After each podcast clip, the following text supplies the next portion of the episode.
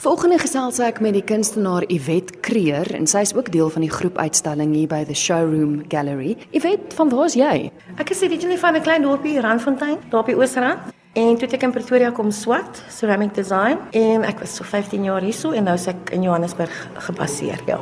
Ek dink mense sou dalk al van jou goed gesien het want ek weet jy was op onder andere iets soos die Lantuintjie mark of so. Dis klein keramiekblokkies wat jy maak. Hoe groot is die blokkies? Hulle is omtrent so 9 by 9 is hulle klaar gebak is en ek probeer keramiek tegnieke gebruik op die blokkies. Ek het 'n groot liefde vir klei, dis my grootste passie en dan hou ek ook van skilder en verf want ek gee al 25 jaar lank klasse in ceramics, paint and drawing. Maar omdat ek nooit tyd kry om bietjie self te skilder nie, was die blokkies vir my 'n baie lekker manier om my liefde vir teken en verf en my passie vir klei te kombineer. So, ek kan so 'n bietjie van 'n mad scientist wees en goedjies kombineer in goeders met die ceramic proses wat ek nie sou kon doen op 'n canvas nie. Ja, want dis waar want dit is eintlik soos klein canvasies, Yes. maar dis nou net op klei. Yes.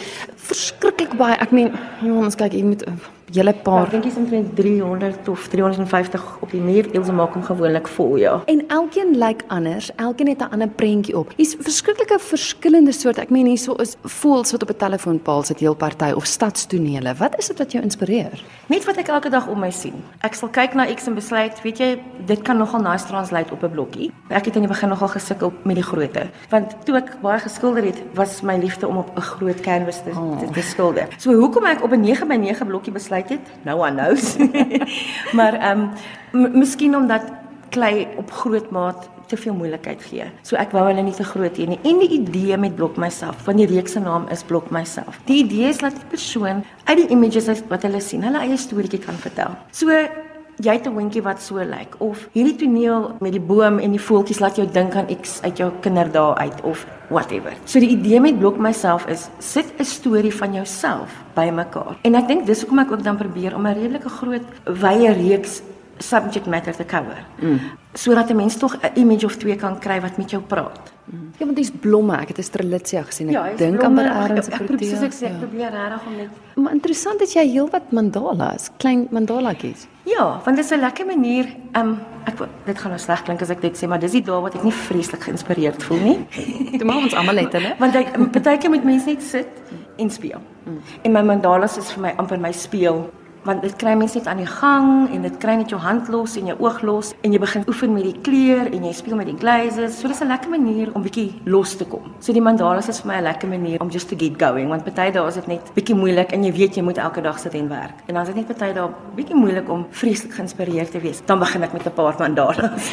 Die mense love die mandalas. Jy praat nou van kleur, maar dit is nie kleur soos wat mense aandink. nie. Ek meen dis redelik moeilik. Ek dis sien jou dowwe. dit 'n kleiner blokkie is en ek wil hê mense moet kan want baie van my kliënte las die heeltyd by.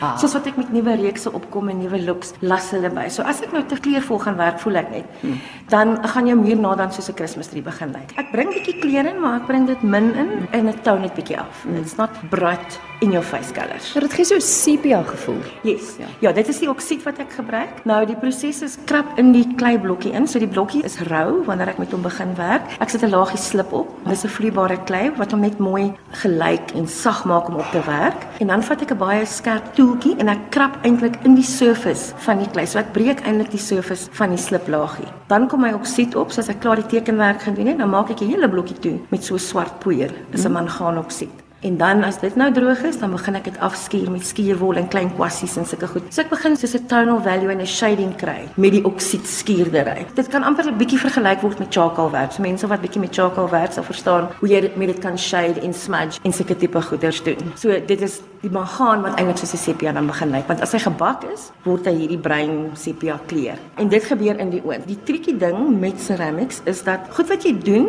nou is nie wat jy gaan sien as hy uit die oond uitkom nie. Dit is hoekom ek sê is baie keer 'n bit of a mad scientist ding want kleure verander, reaksies gebeur. So jy doen nou X en dan dink jy, mm, dis 'n bietjie insipid, dan kom dit uit die oond uit en then it's it's like magic happened in die oond, ja. Nou buiten vir die blokkies is daar ook 'n hele paar kopbene wat teen die muur hang. Dis ook kopbene ook van keramiek. Yes, ek het die kopbene ook van keramiek gemaak. Ek doen nou seker al so 7 jaar of so die blokkies en ek het toe begin moeg raak vir the flat surface, vir die plat oppervlakte om op te werk. Toe gesels ek en eens 'n bietjie die eendag toe sê sy maar miskien is 'n kopbeen nie 'n slegte roete om te gaan nie, want weer eens ek probeer 'n canvas skep waarop ek kan werk, maar wat ook 'n interessante shape is. En die kopbeen was vir my dit. Nou die kopbene het ek na klomp regte kopbene gaan kyk en my eie interpretation van dit gedoen. Mense vra my wat jy wat 'n bok is dit? Dit is nie 'n bok wat bestaan nie. It's an imaginary kopbeen. Dis 'n Iwetbok. Is 'n Iwetbok. So ja, ek het die original aangemaak. So ek toe ek die original maak, het ek in gedagte gehad ek gaan 'n mal van hom moet maak. So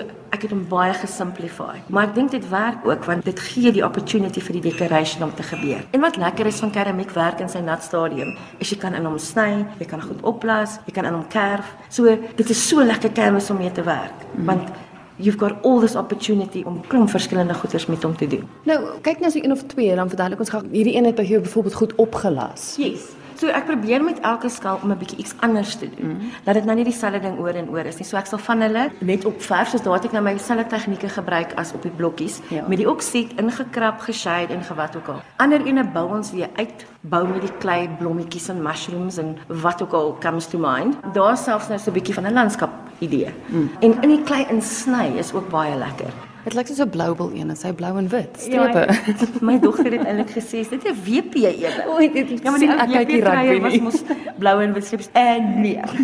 dit was maar net die idee om 'n bietjie blou in te bring. En daai is soos daai wat gesny is So jy kan in die klein werk en dan obviously gebruik ek ook verskillende firing tegnieke want ek doen alternative firing methods as deel van my kursusse by die studio. Mm. So ons doen beer firing byvoorbeeld en rako firing. Dan gee dit my nou 'n opportunity om met die finishing of die klaarmaak van die skaal verskillende tegnieke weer te gebruik. So alles hoef nie net geverf en geglaze te word nie. Ons kan soos die Obavro firing, dis die beer firing. Baie interessante tegniek waar jy actually jou piece uit die oondheid haal op 1000 grade ja? en op 'n mixture van bier Soos 'n bier wat mens drink. Ja, okay, ek sal nie daai bier drink nie want dis 'n broodbeer, 'n home broodbeer. Okay, goed. So hy moet gis en alles.